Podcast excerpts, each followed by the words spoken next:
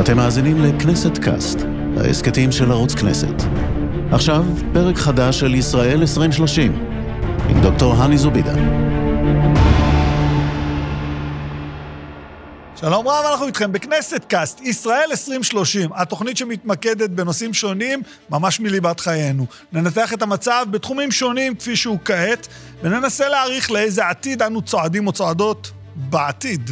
היום אנו נתמקד בכלכלת ישראל, ואיתנו דוקטור איציק ספורטה, הפקולטה לניהול אוניברסיטת תל אביב. איציק, שלום, מה שלומך? שלום וברכה. ברוך הבא לוידאו קאסט שלנו. וואו. זה מדהים, איזה אה? כבוד. זה מדהים, כן, כבוד לי. אמ, אתה יודע, חשבתי על זה, אם נדבר על כלכלה, בסופו של דבר, אתה יודע, אנשים יצפו מאיתנו שנדבר על כסף. אבל אני דווקא לא רוצה לדבר על כסף היום בכלכלה. אבל מי אמר שכלכלה זה רק כסף? יפה, מצוין. אז בוא, כי נזכרתי שקראתי משהו שלך, ישן, לא חדש, שאמרת שכל הכלכלנים סופרים, אבל צריך לעשות מעבר לזה. מהמם.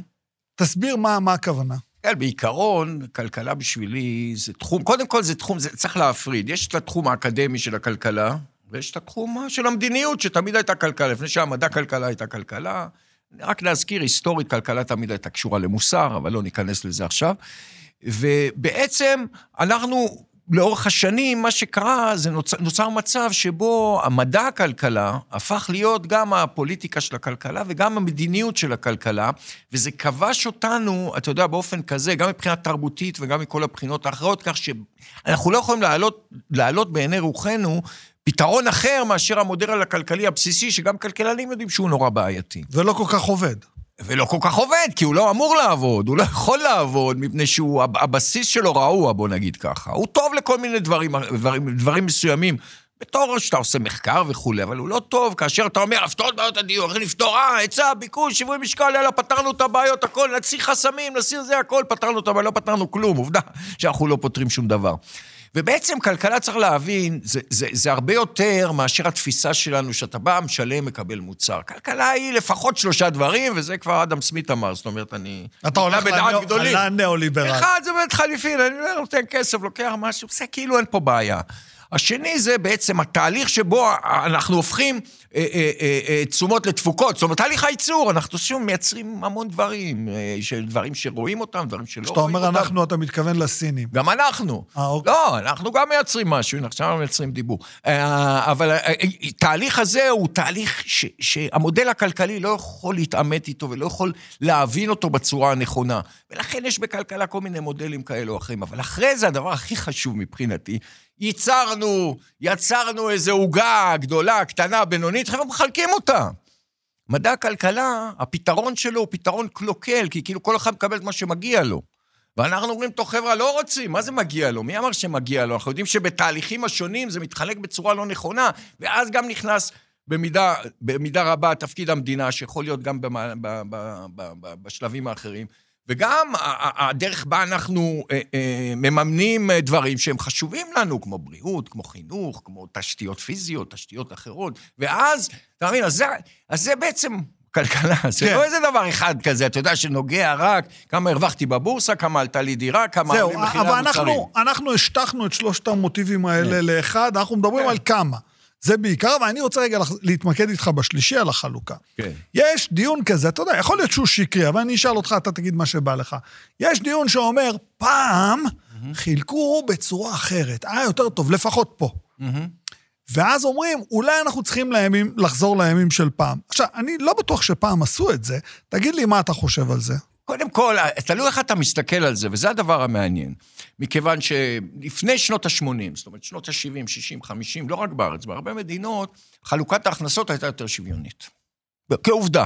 אי השוויון היה יותר, יותר נמוך.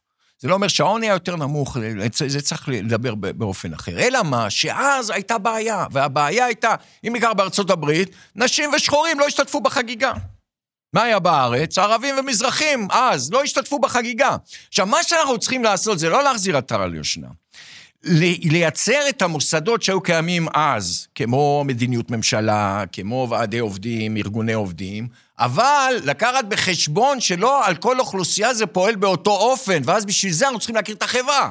אנחנו צריכים להכיר את החברה ואיך היא בנויה ומה היא בנויה ו- ו- ואיך אנחנו עושים את הדברים האלה כמו שצריך, גם בהתאם לתרבות, לתרבויות השונות, לרגישויות השונות, למסורות השונות בתוך חברה שהיא מאוד מאוד uh, מגוונת. לכן זה לא בדיוק לחזור אחורה.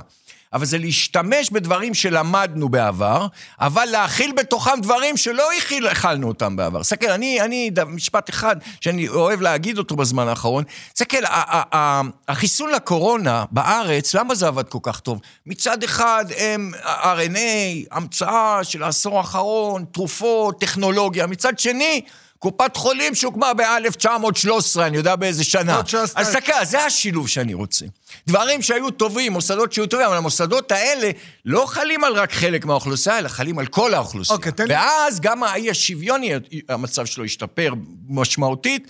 ו- ולא רק בצורה, באגרגציה שלו, כאילו, במספר לא חשבתי, הכללי. לא חשבתי על הדוגמה של החיסונים, אבל אני רואה את מה שאתה אומר, אבל אני רוצה רגע לשאול אותך שאלה לגבי מדיניות והצומת הזו בין מדיניות mm-hmm. לבין כלכלה. אני אתן לך דוגמה ממדינת ישראל. Okay. אוקיי. יש את חוק ההסדרים הידוע לשמצה. Mm-hmm. ואני, ואני, הרי מגישים תקציב, אבל התקציב הוא ריק. כי מיד אחרי שמגישים תקציב, בא חוק ההסדרים ועושה שירקס על כל התקציב, והם מכוננים מחדש. איך למשל אני יכול לסדר את זה ברמה מודעת? שאני, כמו שאמרת, יש רבדים שונים, יש אוכלוסיות שונות, יש צרכים שונים, מה אני צריך לעשות? לא, זה, זה לא קשור לתקציב. עכשיו, תקציב זה בעצם איכשהו בנוי, זה אלפי עמודים של תקצוב, לפעמים מאוד מאוד מפורט, יותר מדי מפורט, שלא נותן חופש למשרדים, על מה אנחנו מוצאים את הכסף. עכשיו, הרעיון של חוק ההסדרים הוא רעיון ש, ש, ש, שנולד ב-1985, שהיה אינפלציה של 400 אחוז, ואז אמרו, אנחנו צריכים איזה חוק שיבוא יחד עם התקציב בשביל לשנות חוקים קיימים כדי שהם יתאימו לתקציב. עכשיו, מאז ועד היום, זה קל להשתמש בו, ולכן מה שעושים זה מעבירים רפורמות שאי אפשר להעביר אותן בכנסת בצורה רגילה. עכשיו, חלק גדול מהרפורמות האלה, הן בעצם באות מהראש של אותה כלכלה שדיברנו עליה, מאותה כלכלת שוק, או ממש כלכלה חופשית, או כלכלת היצע וביקוש, איך שתרצה לקרוא לזה. ולכן כל הזמן יש את המאבקים האלה. זה לא שחוק ההסדרים מחליף את התקציב, חוק ההסדרים פשוט משנה דברים בצורה שלפי טעמי היא קצת רחוקה מהדמוקרטיה שהיינו רוצים לראות. ואז בעצם אתה אומר שזה חלק בעצם מהזרוע של המדינה בניהול המשאבים. לא, זה יותר מכך, זה זרוע של האוצר, כי תסתכל, המבנה, אתה איש מדעי המדינה, אתה יודע את זה יותר טוב ממני. בעצם בממשלה יש לנו שלושה קודקודים של גופים חזקים. זה האוצר, הביטחון וראש הממשלה. כל היתר הם סטטיסטים. סליחה שאני אומר את זה לא, בערוץ לא, הכנסת, לא, זה המצב. אבל הם כמעט לא קובעים את התקציב שלהם, הרבה פעמים לא קובעים איך הם יחלקו את התקציב שלהם, ובעצם שלושת הקודקודים האלה מתווכחים, ולכן תמיד שיש בה אה, אה, תקציב ביטחון רוצים, אז תמיד הוא מקבל, האוצר מתפשר פה, מתפשר שם, והאוצר בדרך אחרת כופה על משרדים אחרים כל מיני דברים. עכשיו, האוצר עצמו, הוא בא מתפיסת עולם מאוד מאוד אה, שמרנית, מאוד מאוד של כלכלת שוק כבנצ'מארק, כדבר שאנחנו צריכים להגיע אליו. ואז יש לנו בעיה, כי לא נכנס כל הדברים שצריכים להיכנס, גם מהמשרדים החברתיים וגם מתוך חשיבה שהיא טיפה אחרת מהחשיבה ש, שדי שלטת באוצר, בוא נגיד ככה.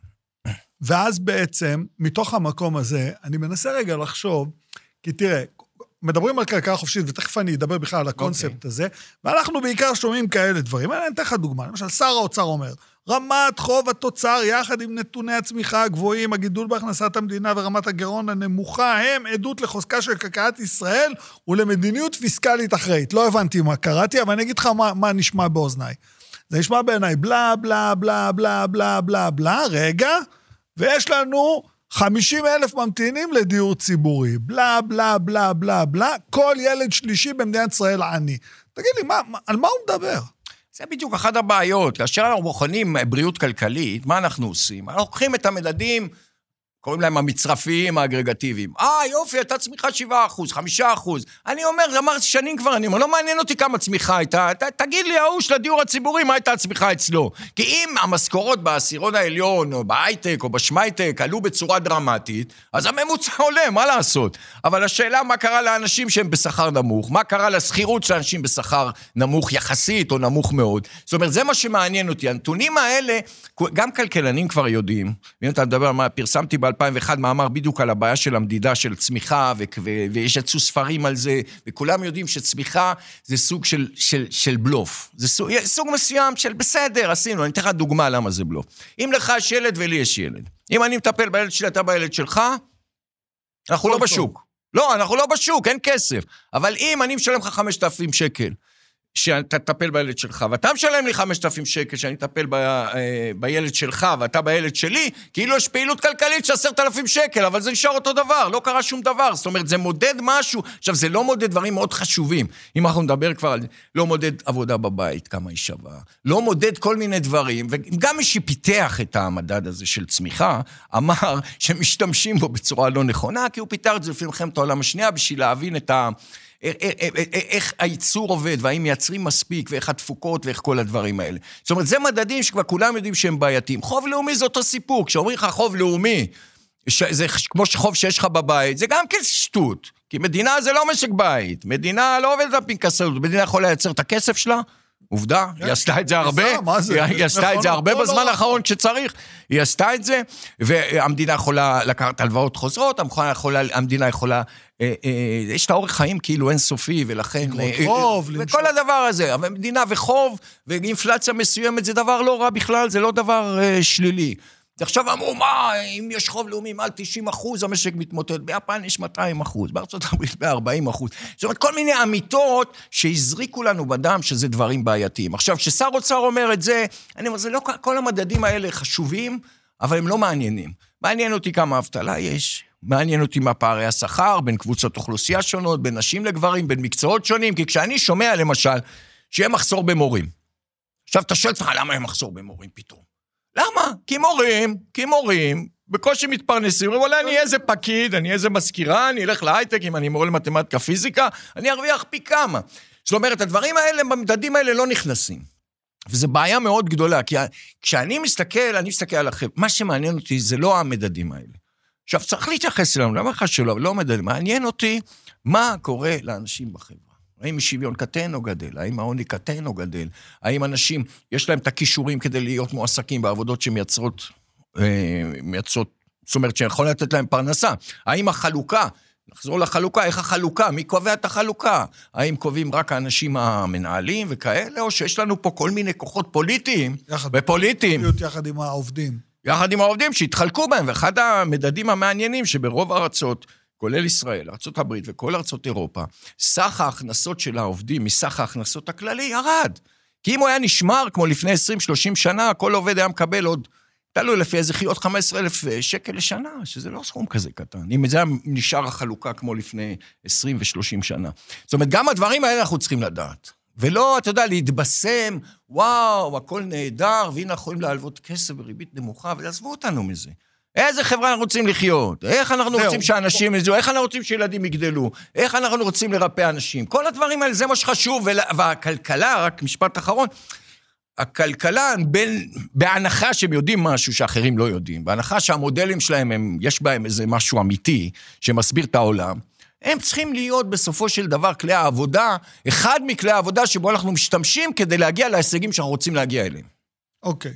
כן, אוקיי, הבנתי, אבל עכשיו אני רוצה לשאול את השאלה הבאה, כי נגעת בנקודה שרציתי לפנות אליה לפני שאני עובר לעתיד. Mm-hmm. אחת השאלות הקריטיות זה שוק העבודה. Mm-hmm. תראה, אנחנו לא בחורים צעירים. אנחנו ראינו במהלך, במהלך חיינו את שוק העבודה פשוט עובר שינוי מהותי מעבר לקורונה שהביאה אותנו הביתה, אבל השכר החציוני במדינת ישראל 6,250 שקלים. הממוצע במדינת ישראל עומד על כ-11,200 mm-hmm. שקלים, והוא באחוזון ה-86. לא, לא, לא, לא. הממוצע זה בערך 70 אחוז מרוויחים מתחת לממוצע. 70 אחוז. בערך, 70, 69, 72, תלוי באיזה שנה. 70 אחוז מרוויחים מתחת לממוצע. זאת אומרת שהעשירון העליון מושך את הממוצע למעלה נכון. בצורה מטורפת. נכון. עכשיו עולה השאלה, שוק העבודה הישראלי מייצר עובדים עניים. Mm-hmm. זה לא מהיום, אתה יודע. ברור לי, אני כן. רק אומר שככל שאנחנו מדברים יותר על ההייטק, וכולם חושבים שכולם פה עובדים בהייטק, לא כולם עובדים ב... עשרה אחוז. אוקיי, וגם העשרה אחוז האלה, לא כולם מביאים פה נכון. עשרות אלפים. מה יקרה לשוק העבודה הישראלי? אני חושב שהדבר הזה הוא מעוות, מעוות, אני לא אוהב לקרוא לזה שוק, עולם העבודה, כי אם שוק, אתה כבר נכנס לתוך היצע וביקוש. צודק, סליחה, עולם העבודה. כל אחד מקבל מה שמגיע לו, וכל אחד מקבל מה שהוא עבד בשבילו, וכמה שהוא התאמץ, וכל ה... אני חושב שזה מייצר עיוות בלתי, בלתי נסבל בשוק העבודה. עכשיו אתה אומר איך אני יכול להשפיע על זה או לא להשפיע על זה, עזוב אם להשפיע, בוא, בוא, בוא נבין מה קורה. בן אדם לומד רפואה, אתה יודע להתקבל רפואה סיוט. נכון. אנשים גם עשירים רק מתקבלים, כן. צריכים להשקיע עכשיו הבן אדם עובד, ואחרי זה עובד עוד חמש שנים להתמחות, ועוד חמש שנים להתמחות, ובסוף הוא יגיע באמת לשכר של איש הייטק מתחיל. זה מעוות את הדרך. למה לי ללכת לעבוד כל כך קשה, כשאני יכול לכתוב איזה קוד על דברים, חלקם חסרי משמעות לחלוטין, להרוויח המון כסף, גם לקבל כבוד, גם להגיד, אנחנו היצוא של ישראל, ואנחנו מצילים את המשק הישראלי. ולמה שאני להיות רופא? עכשיו, למה שאני להיות מורה? למה שאני להיות אחות? וזהו, למה שאני להיות עובדת סוציאלית? הדבר הזה, עכשיו, הדבר הזה כאילו... זה כאילו הסוסים כבר ברחו מהאורווה, מפני שאנחנו לא חושבים בצורה הזאת. אנחנו אומרים, אה, השוק מסדר, זה מה שמגיע להם, יופי, זה מה שהם יקבלו, אבל אז האחרים אומרים, מה, אני מטומטם? עכשיו, תדע לך, בהמון מקומות חסר עובדים ב-8,000-9,000 שקל לחודש. אנשים לא באים, לא יודע איך הם חיים, לא יודע איך הם לא חיים, צריך לעשות את זה מחקר. אם זה בשדה התעופה, ואם זה כמובן מורים ומורות. לא באים כי הם לא רוצים לא לעבוד. רוצים, לא רוצים לעבוד, אומרים, לא רוצה. לא רוצה, אני אעשה לי את השליחויות שלי, אני ארוויח את הכמה לירות שלי, אני אחיה גם ככה לקנות דירה, אני לא יכול, גם ככה אני לא יכול להתפתח, אז עזבו אותי מהדבר הזה. וזה דבר שהוא מאוד מאוד משמעותי, וכמובן צריך לחשוב עליו לפני זה, צריך לארגן את מערכות השכר במשק הציבורי, שלא יכול להתחרות בשכר הזה, צריך להבין. מורה בתיכון לא יקבל 25,000 שקלים בשנתיים הראשונות שלו, לא יקבל. אבל אם אנחנו מתחילים קצת יותר גבוה, יש לו אופק תעסוקתי, ויש לו את ה... ייעוד לעבוד כמורה, ועושים עבודה חשובה. אני אתן רק דוגמה מורים, כי זה בחדשות, אה, פחות או יותר, וזה תמיד בחדשות. אז, אז, אז, אז צריך לחשוב על הדברים האלה. עכשיו, יש עוד דברים שצריך לחשוב עליהם, שלא ניכנס אליהם, מה יקרה עם אוטומציה. כן. מה יקרה, yeah. מה יקרה אם, אתה יודע, זה הפיל שבחדר, אז, אז אה, אם אתה רוצה... פעם באולפן מסביבנו היו אנשים, אתה יודע. כן. אין אנשים. כן. וכולם מדברים על זה שבתי החרושת עוברים לאוטומציה mm-hmm. ורובוטים והכל בינה מלאכותית. זה, ולזה אני רוצה ללכת, אבל לפני אני רוצה לדבר רגע על התיאוריה. קראתי מאמר שהתפרסם בניו יורק טיימס ואחרי זה גם פרסמו אותו בהארץ, והמאמר נכתב ככה, תיאוריית השוק החופשי התמוטטה לחלוטין. הרבה מאוד אנשים מאוד עשירים, כולל גם אינטלקטואלים מאוד מפורסמים, החליטו בארצות הברית לייצר קרן של כמה טריליונים של דולרים, פנו לחמש אוניברסיטאות מובילות, הרווארד, פרינסטון, ברקלי, סטנפורד, שיקגו ועוד כמה, רוצים לכנס שם עכשיו חוקרי כלכלה הכי בכירים בעולם, פלוס חוקרים חברתיים וכולי וכולי, כי אני יודע, האקדח המזמר, לחשוב על תיאוריה חדשה שהיא לא תיאוריית השוק החופשי. Mm. הם אומרים, נכשלנו, השכר סטגנטי, יש לנו בעיה, ואז השאלה שלי, האם העולם מבין שהגענו למשבר אדיר חברתי, שבבסיסו יושבת הנחה כלכלית מאוד בעייתית?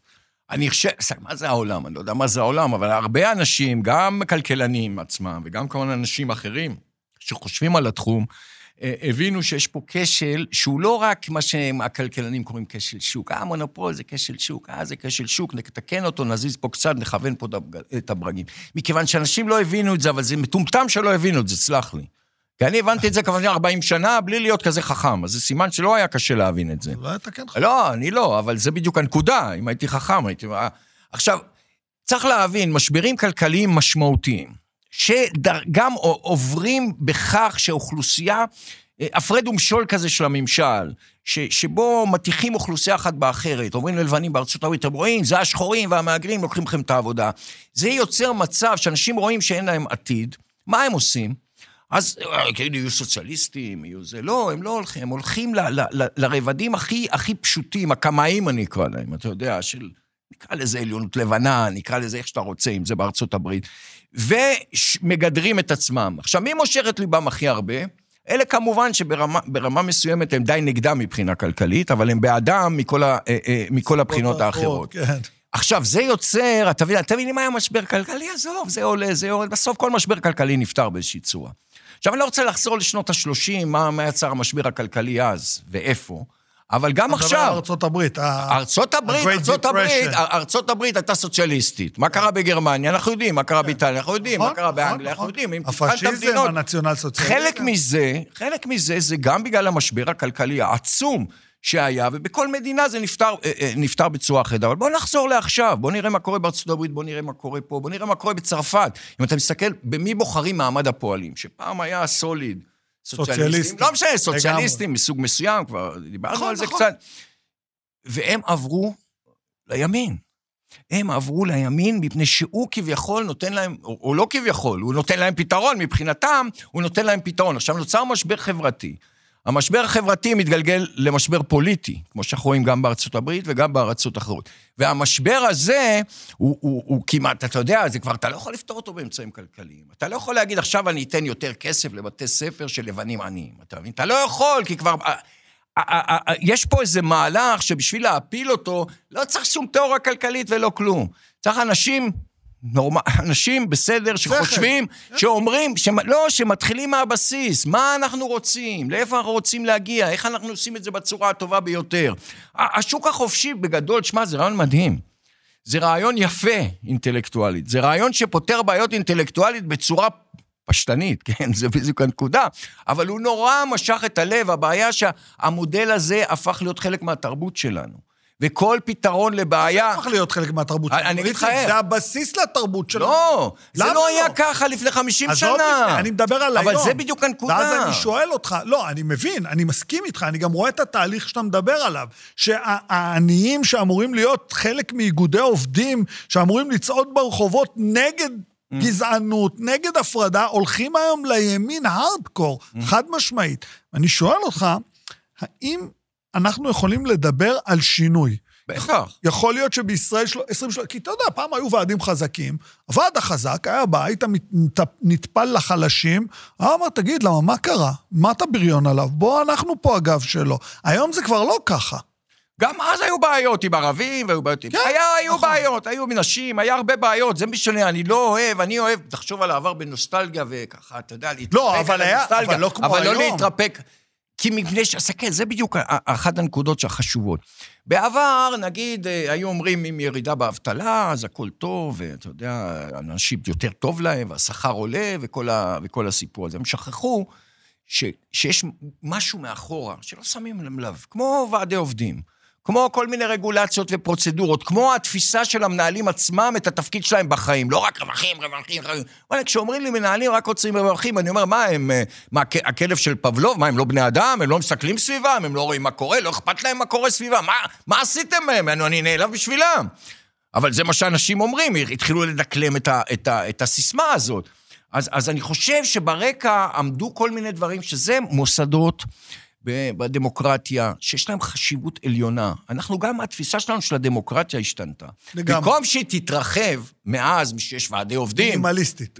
במקום שהדמוקרטיה תתרחב, עכשיו למשל, אה, יש כל מיני חוקרים שאומרים, הפתרון בסופו של דבר הוא דמוקרטיזציה, כבר עברו את זה מזמן, אבל עכשיו זה חוזר, הדמוקרטיזציה של מקומות העבודה, שיהיו עובדים במועצות נהלים, ודמוקרטיזציה בכל מיני דברים כדי לשתף אנשים, דמוקרטיזציה אפילו בקביעת תקציב של עיר. דרך, דרך ועדות שיושבות, כאילו תחזיר את האנשים ליכולת לקבוע את, ה, את העתיד שלהם, ואז פתאום אתה רואה שאלה שמשום מה צריכים להיות אחד נגד השני, פתאום כשהם יושבים ביחד בוועדים, בוועדות האלה, בוועדים האלה, פתאום יש קשר, ופתאום הם, הם קולטים, רגע, מה, מה אנחנו עושים? אולי יש דרכים יותר טובות לפתור את הבעיה. ואני חושב שזה דבר שלא לא מדברים עליו, כי דמוקרטיה לא נמצאת בכלכלה. אתה מבין? היסטוריה, אין. מוסר, אין. אין, בגלל זה אני לא מחפש. עכשיו, אני אומר לך, כלכלנים כבר הבינו שיש להם בעיה עם התיאוריה, בעיקר אחרי 2008, לא אחרי 2009. אחרי, 2000, אחרי הקורונה הם הבינו עוד יותר כמה, מי שלא הבין כמה הממשלה חשובה. כמה בעצם יכול להיות שהממשלה להדפיס כסף ולזרוק לזרוק כסף ממסוקים זה טוב לפעמים, לא תמיד, אבל זה טוב. בחיסונים. בכל דבר. גם ביכולת להחזיק את הבריאות. ולכן היום התפיסה היא שאנחנו צריכים, השוק חופשי זה מין סיסמה חסרת טעם. אה, יש מקומות שבעצם אתה רוצה שיהיה טרנזקציות כאילו חופשיות, שלא יהיה מעורבות, אתה יודע, של איזה אח גדול או משהו. מצד שני, יש דברים שאי אפשר. ואם אתה לא תבין שבחינוך ובבריאות ובתשתיות ובמלחמה ובשלום ובדמוקרטיה ולא דמוקרטיה, זה, זה, זה כל הגופים האלה צריכים, צריכים לעבוד באיזשהו מקום ביחד. אבל אנחנו היום נמצאים בשלב שהוא קצת בעייתי, כי יש מקומות שאין, הביחד הזה... לא ביחד, כאילו, פשרות כאלה, מגעיל, כאלה, אתה יודע. עבודה על דברים. עבודה על כן. דברים שצריך, מה שאני קורא לזה, אני חושב שבן אדם שונה ממך לגמרי. אתה אומר, בוא נגיע לאיזה מכנה משותף, מה שנקרא בספרות, ברחל בתך הקטנה. מה, מה הכי חשוב? בואו נראה אם אנחנו יכולים להסכים על איזה עוגן. מהעוגן הזה אנחנו נצא, זה גם חרדים וחילוניים, זה גם ערבים ויהודים. עכשיו אנחנו מדברים על הנושאים החברתיים, יש את הנושאים הפוליטיים, שזה פה בכלל אקסידנט מסוג אחר, אבל שגם הוא מושפע בדרך בה המדינה מחלקת המשאבים שלה, אבל זה באמת לדיון אחר. אז אוקיי, אז אני, אני, אני כן רואה איתך את החזון הזה. אני גם חושב שזה נכון, כי בסופו של דבר, המקומות שבהם מצאתי הכי הרבה דברים משותפים, כשדיברתי עם אנשים שאין לי איתם שום דבר במשותף, היו כשדיברנו על ניסיונות להגיע לאיזה הכלות גדולות. עכשיו אני מסתכל על ישראל 2030, שמונה שנים מהיום, לא יותר מזה. כן. אוקיי, בוא נסתכל על 2035, איך שאתה רוצה. קראנו לזה 2030, לא, לא, בכוונה 2030, סתם. והדיון הוא, הוא מרובד, כי מדובר על נשים, על יוצאי מדינות ערב והאסלאם, על ערבים, על מהגרים חדשים, שחלק מהם הם פה, חלק מהם הם מגיעים בימים אלו, ואז עולה השאלה, האם אתה ואני נמשיך לראות את התוכניות בטלוויזיה, האינפלציה עולה, הריבית עולה, מה יהיה, הכל כסף וזה, או שנעבור לשיח אחר. נעבור לשיח שבו אני לא אצטרך להתחנן ל-40 שקלים לשעה שכר מינימום. שבו אולי יתחילו להתעניין ברעיון של שכר אוניברסלי, שבו בריאות לא תהיה מילה מגונה, בריאות לכל לא תהיה מילה מגונה. חינוך טוב, דיברת על זה, אתה יודע, כשאמרת... כן, אבל, אבל זה בדיוק מה שקורה עכשיו. כולם אומרים את המילים הנכונות ועושים את הדברים הלא... הפוכים, כן. לא, אז אני שואל אותך אם זה ייושם, כי אתה דיברת על מורים. אני אתן לך דוגמה, למשל, תראה, יש לנו ילדים במערכת החינוך. אני חושב על זה, אתה... הילדים שלנו, בלי מורים טובים, לא נעים להגיד, יצאו אהבלים בסוף, כמה אנחנו יכולים ללמד אותם? Mm-hmm. אתה רוצה כוח אדם טוב בבתי ספר, כי אחרת לא יהיו לך את ההייטקים, לא יהיו לך את האנשים הטובים. איך אנחנו כן יכולים לשנות את זה? כן, זה תהליך, אם הייתי יודע אותו, אתה יודע, הייתי עושה אותו כבר מזמן, כי אני חושב, אני, אני, אני, אני מאמין גדול, ב, ב, הגזמתי עכשיו, אבל אה, ביכולת לייצר אצל בני אדם שונים ומשונים איזה רצון טוב ואיזה לא אגיד טוב לב, אבל איזה רצון לשתף, אה, לשתף פעולה. זה אה, אמון בסיסי שלי. דבר שני, צריך לעבוד, ולעבוד כל אחד במקום הקטן שלו, למקום יותר גדול, למקום יותר גדול, זאת אומרת, לפתח אה, נקרא אתה יכול לקרוא לזה קהילות, אבל אתה יכול גם לקרוא לזה ארגונים חברתיים כאלה או אחרים, שגם הם לא חושבים שמחשבת השוק החופשי, שאם אני לוקח משהו מאיזה קרן, אז אני, השני מפסיד, ואז אני נלחם בך. אלא לנסות לרבד את זה, וזה לכולם. קשור מאוד למערכת החינוך, זה קשור ל... מה מלמדים אנשים, זה קשור לאם אתה מראה להם אלטרנטיבות, האם אתה מרחיב את דעתם, האם אתה נותן להם אג'נסי, אתה נותן להם, להגיד להם, בסופו של דבר אתם קובעים, אנחנו די, אכתיארים, עזבו אותנו. אתם בסופו של דבר תקבעו איפה אתם חיים. אתם לא יכולים להסתתר מתחת השולחן וכל אחד לדאוג לעצמו, שזה גם חלק מהשוק החופשי. הרי תאצ'ר כן. אמרה, אין חברה, יש רק יחידים, כל אחד שידאג לעצמו, כמו סוס שיערות. עד שישימו לך רגל ותעוף, ואז תחפש את החברים שלך, כי אף אחד לא... לא יעזור לך, ידרכו עליך. אדם נופל באמצע הלילה ממטוס, רק אלוהים יכול לעצור אותו, אתה יודע, לפי יהודה עמיחי, מתחיל לצטט שוררים. בבקשה, איפה הגענו? הבעיה לא קיימת, מועיז בן ארוס, סתם, סתם. אז בעצם זה תהליך. תשמע, אנחנו מאמצע שנות ה-70 בערך, 40-45 שנה, אנחנו בעצם עברנו מהפכה, אנחנו צריכים להבין את זה. זה לא הייתה מהפכה, הפיכה צבאית, זה לא היה, עברנו מהפכה בצורה של המחשבה. ובגלל המשיכה של... לתוך התפיסה של השוק החופשי. בעיקר, כן, רק אוקיי. השוק החופשי, התפקיד הזניח של הממשלה. כן, התפ... מדינה אתה, בצד. מדינה בצד. יש שוק, הוא ינהל את העניינים. הוא ינהל את העניינים. עכשיו, זה היה מטומטם מלכתחילה, דרך אגב. ומי מסכים. שחי אז, כמוני, אמר שזה מטומטם, והסתכלו עליו כאילו הוא מטומטם, ואולי זה נכון. אז, אז, אז בעצם עברנו, תחשוב, שטיפת מוח של 45 שנה. אתה חושב שאפשר לפתור את זה בשנה או בשנתיים, או באיזו התארגנות כזאת של אנשים חכמים או לא? זה צריך שוב, זה צריך דבר שהוא צריך לצמוח משני הדברים, מלמטה למעלה, וגם מלמטה, מלמעלה למטה, אבל הלמעלה, אם מסתכל בפוליטיקה, לא אין שם, אין שם שום כוח. עכשיו, אני הייתי מצפה למשל מארגוני העובדים, שיש ארגון אחד שהוא מנסה בעצם לדבר את הדברים, זה כוח לעובדים, אבל ארגון מאוד קטן, אבל הייתי מצפה מההסתדרות ומארגונים אחרים להפסיק עם הנחנכיות שלהם ולהתחיל להיות, כמו שנקרא, באמת, social movement unionism, זאת אומרת, ארגונים, ארגוני עובדים שהם ארגונים חברתיים שדואגים להרבה דברים ולא רק, רק לחברים שלהם. ואם הם יתחילו, זו התחלה טובה. תסתכל, כשהיה המחאה החברתית ב-2011, אחד הדברים שאני, אחרי מעט מאוד זמן, הבנתי שזה לא הולך לאף מקום, שלא ראיתי שארגוני העובדים מצטרפים. אי אפשר, לא יכול לעשות בלי ארגון. עכשיו, הם לא נכנסו בגלל שהמוחים עצמם לא הבינו את החשיבות של ארגוני עובדים. לאו דווקא הארגון עובדים הזה, לאו דווקא בפרקטיקות שלו שהן בעייתיות, אבל הצורך בקיום של ארגוני עובדים חברתיים, חזקים, מכילים, לא מסתכלים רק על יהודים או רק ערבים, כמו שאתה, הסתדרות העובדים העבריים, אתה יודע, שלא היו בערבים עד שנים, עד שנות ה-50 או ה-60, לא משנה. זאת אומרת, צריך כוחות כאלה, מוס, מוסדות כאלה מצד אחד, וגם המערכות שאנחנו עובדים בהן, מערכות החינוך, מערכות אחרות, צריכות להכניס לאנשים, בעצם להגיד להם, איפה אתם רוצים לחיות? איפה אתם רוצים שהילדים שלכם יחיו? נגמר הסיפור הזה שסיפרו לכם, כל דור חי יותר טוב מהדור הקודם, וזה עד אינסוף. אנחנו יודעים לא שהסביבה נכון. עכשיו מראה לנו כמה אנחנו לא יכולים לשחק את המשחק הזה. יש עוד המון דברים. ואני, תשמע, אני תמיד אומר את זה, ואני עכשיו עוד מתחזק באומרי. אני פסימי לטווח הקצר ואופטימי לטווח הארוך. אני חושב שבסופו של דבר, עם רצון טוב, יצמחו דברים. אבל אתה יודע, אני טעיתי הרבה פעמים, ואולי גם עכשיו אני טועה, אבל בתור בן אדם, אני לא יכול לחיות, לראות רוע ועוול. לא רק מלחמות, גם זה רוע ועוול וזה, רוע ועוול שולט בנו. כשאני רואה ילד או ילדה שנולד במקום עני, מערכת חינוך קלוקלת, שתמותת תינוקות שם היא פי שתיים או פי שלוש ממקומות אחרים, אני, אני רואה את זה כישלון מוחלט. לא שלי, כי אני לא שמה, אבל כישלון שלנו כחברה. וזה דבר שאנחנו צריכים להבין. כן. אבל אנחנו בגלל זה צריכים להיחלץ, ממש להיחלץ מהמלקחיים, שכל אחד ידאג לעצמו, יהיה לנו טוב יותר, שאנחנו פותרים את כל הבעיות במין הינף מטבע של היצע וביקוש. לא יהיה, לא יהיה. אבל אנחנו יכולים לעשות את זה. ולא רק שאנחנו יכולים לעשות את זה, אנחנו חייבים, חובתנו לנסות לעשות את זה. ואם נעשה את זה, ואם נפעל, אתה יודע מה, אני בעד לך, אופטימי לטווח הארוך, עם שמונה שנים זה טווח ארוך. חצי שעה עוברת מהר כשעושים חיים. לא לאטומיזם, כן לסולידריות חברתית. אין, זה, זה סולידריות בני אדם, זה, זה, זה מה שאנחנו. כל הסיפור שאנחנו, כל אחד לעצמו, כל אחד הוא אי, איזה שטויות. אנחנו לא מסכים. כאלה, אנחנו ממש לא כאלה. דוקטור גיציק ספורטה, תודה רבה שהצטרפת אליי לכנסת קאסט. אה, חשבנו שזאת תהיה חצי שעה על כלכלה, זה היה על החיים ועל הרבה יותר מזה. תודה רבה לכם שאתם הצטרפתם אלינו, תודה רבה, שיהיה לך אחלה יום. תודה.